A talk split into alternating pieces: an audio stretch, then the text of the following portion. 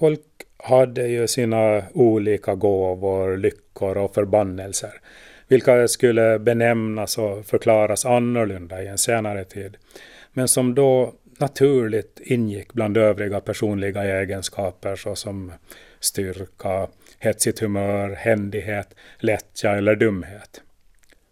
Det var inget märkligt med det. Det var under sitt trettonde år en brådmogen Alina började märka att hon led brist på jämnårigt sällskap. Den tidigare knappt noterade åldersskillnaden till Lillbroskärs Alma vidgades i det skedet till ett sund över vilket allt färre gemensamma intressen förmådde bygga broar. Det var sundet mellan barndom och vuxenvärld, behärskat av pubertetens gruvliga strömmar och tvära vindkast. Alma var kvar på barndomsstranden. Alinas jämnåriga bodde bortom fjärdar och sund och mamma var en mamma. Men farbror Kalle tycktes dela hennes nyvaknande intressen. Alina började alltmer ty sig till Karl och följde honom ibland på jakt och fiskeresor och även på en långresa då han hade ärende till Reval. Ida gladdes att Alina på det viset kunde knyta an till en vuxen person, vidga sina vyer och komma ifrån de ensamma tankarnas rundgång, som hon själv kände alltför väl efter sin första vinter utan make. Hon fick höra Karl kalla flickan sin lillpiga, eller till och med sin lilla svärtesunge, utan att han fick ett fräsande till svar, vilket allt oftare hände henne själv även vid betydligt mindre barnsligt tilltal. Om hon skulle ha sagt lilla svärtesungen, så skulle nog dörrar ha smält och skarpa ord ha fällts.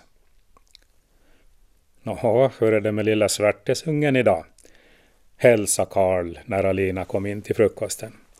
Ska du följa med ner till Sundskären och se om det börjar komma några allor? Jag tänkte segla ut till kvällen och ligga över i kojan och pröva knäppa några i gryningen. Kan det passa för en svärtesunge? Under eftermiddagen såg Ida sin dotter packa för jaktturen och notera att flickan hade gott förstånd såväl på proviant som på klädsel. I kvällningen satte det segel i en svag sydväst och sträckte förbi det vind borte mot Nyhamnshållet. Ännu när skötbåten var ganska långt ute från land kunde hon höra prat och skratt över vattenvinden och kände en våg av värme över att den faderlösa flickan fått en sådan vän. Hon sände en stor kram över vattnet till sin Karl som efter allt vad han gav henne och deras gemensamma döttrar ännu orkar ta sig an den taggiga 13-åringen som hade en annan far. Allt mer kom Alina att bli lillpigan som följde med på fiske, jakt och arbetsresor till sjöss, så att Alina fick ägna sig åt småbarn och hemmasysslor. Karl och Alina såg till att fisk, fågel och säl inte fattades i hennes häbren och laggkärl. Det sjöng om medarna när Idas sparkkälke rusade fram över blankisen i månskenet. Höstens första köldknäpp hade kommit med sin befrielse efter att fuktiga, råa vindar hade tryckt ihop människorna i kvava stugor vid stillasittande sysslor under krympande dagar. Så lyfte vädret taket i den klara vinterluften. Vindarna vilade och kölden drog in. Isarna slog broar över fjärdar som hade malt i gråa brott och dyningar, där båtar endast hade lagt ut för de nödvändigaste transporterna och sysslorna. Men nu låg ett blankt lock över skärgården och en bit ut till havs. Ida hade åkt in över fjärdarna till Mariehamn under förmiddagen. Till en början flitigt prövande isen med sin ispicka, men efterhand förvissad om att isen hade lagt väl. Det hade varit en fast, seg kärnis, ingenstans tunnare än två tum, och han hade börjat låta den nya järnbrodden, som Karl hade smittat henne, trampa med full kraft så att iskristallerna gnistra kring skinntossan och de blanka vidderna rusa in under medarna. På kälken hade hon surrat resultatet av höstens stuggsysslor som hon skulle försöka sälja i staden följande dag. Det var länge sedan hon hade känt en sån frihet.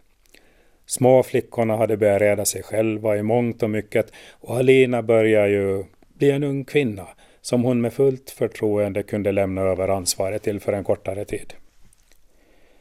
Hon hade ju redan under sommarens storbyke funnit fläckar på flickans lakan som visade att barndomen varit över och att det varit hög tid att prata med henne om viktiga frågor i en kvinnas liv. Det hela hade blivit mycket enklare än hon hade trott, för Alina hade visat sig överraskande kunnig och redo för kvinnoliv. Jag har ju bott med dig hela mitt liv och jag har äldre väninnor uppe i land. Hade hon stillat Idas förvåning och Ida hade hoppats att det var en god förklaring. Allt för bekant med fortplantningens bestyr borde kanske en så ung flicka ändå inte vara. Men eh, hon var förstås sin mors dotter. Fri med bara sig själv och sina anspråkslösa handelsvaror på kälken hade hon susat in söder om havsbadet på Möckelö, över det smala näset i Kloviken och vidare in över Svibyviken i sån fart att hon hade hunnit äta frukost hos sin kusin där hon även skulle övernatta. Hennes små stadsärenden hade sen gått lika raskt till saltströmming, sälkött och välgjorda handarbeten var efterfrågade produkter och hennes påföljande inköp hos Sitkovs mycket anspråkslösa. I god tid före middagen hade hon varit tillbaka hos kusinen förväntansfull att få ta del av stadslivets händelser sedan hennes senaste besök. Men detta hade varit planerat som hennes första natt borta från flickorna någonsin och hemlängtan hade gripit henne hårt och plötsligt.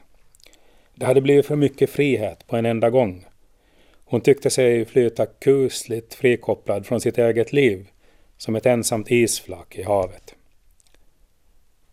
Kunde Alina faktiskt se efter småsystrarna, samtidigt som hon skötte djuren, lagade mat och höll stugan varm? Var havsbandet för ödsligt, mörkt och kallt för två småflickor och en större? Hon ville se dem, höra dem och känna deras dofter. Kusinen hade sagt att hon var en hönsmamma och att hon borde ta chansen att äntligen få rå sig själv och tala med vuxet folk en enda kväll. Men hon hade inte stått emot ropet från hemmets härd. Och sålunda kom det sig att hennes sparkkälke susade tillbaka under månskenet över fjärdarna redan samma kväll.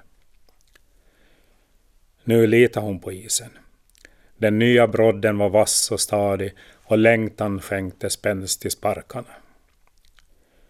Möckelö och Kungsekusterna lyste vita i norr och Rankgårdens mörka siluett skullade mot månljuset i sydväst. Det var lätt att hitta hem en sån kväll. Snart skymtade talgljuset i östra fönstret hos Pepparns och hon satte kursen mitt i sundet mellan Pepparn och Langnesudden.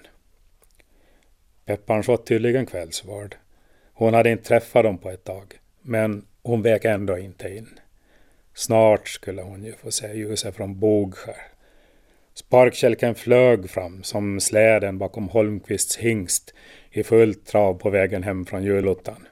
Studsade över grynnorna söder om Gnaten och så skymta tre mycket svaga ljus i nordväst. Knappt skönjbara gula rektanglar från stugfönstren på Lillbroskär, Kråkören och Bogskär. Det strålande kälkföret, månljuset och hennes hemlängtan hade trollat bort den ofta så tunga sträckan mellan stan och utöarna. Vintern hade sina goda sidor och Bogskärs stugfönster syntes snart allt tydligare framför sparkkälkens sjungande medar. Småflickorna låg nog under sin fäll vid det här laget, medan Alina stökade undan de sista kvällssysslorna. Det var gott att hon ännu var vaken så de kunde tala om resan och vad som tilldragit sig under hennes frånvaro.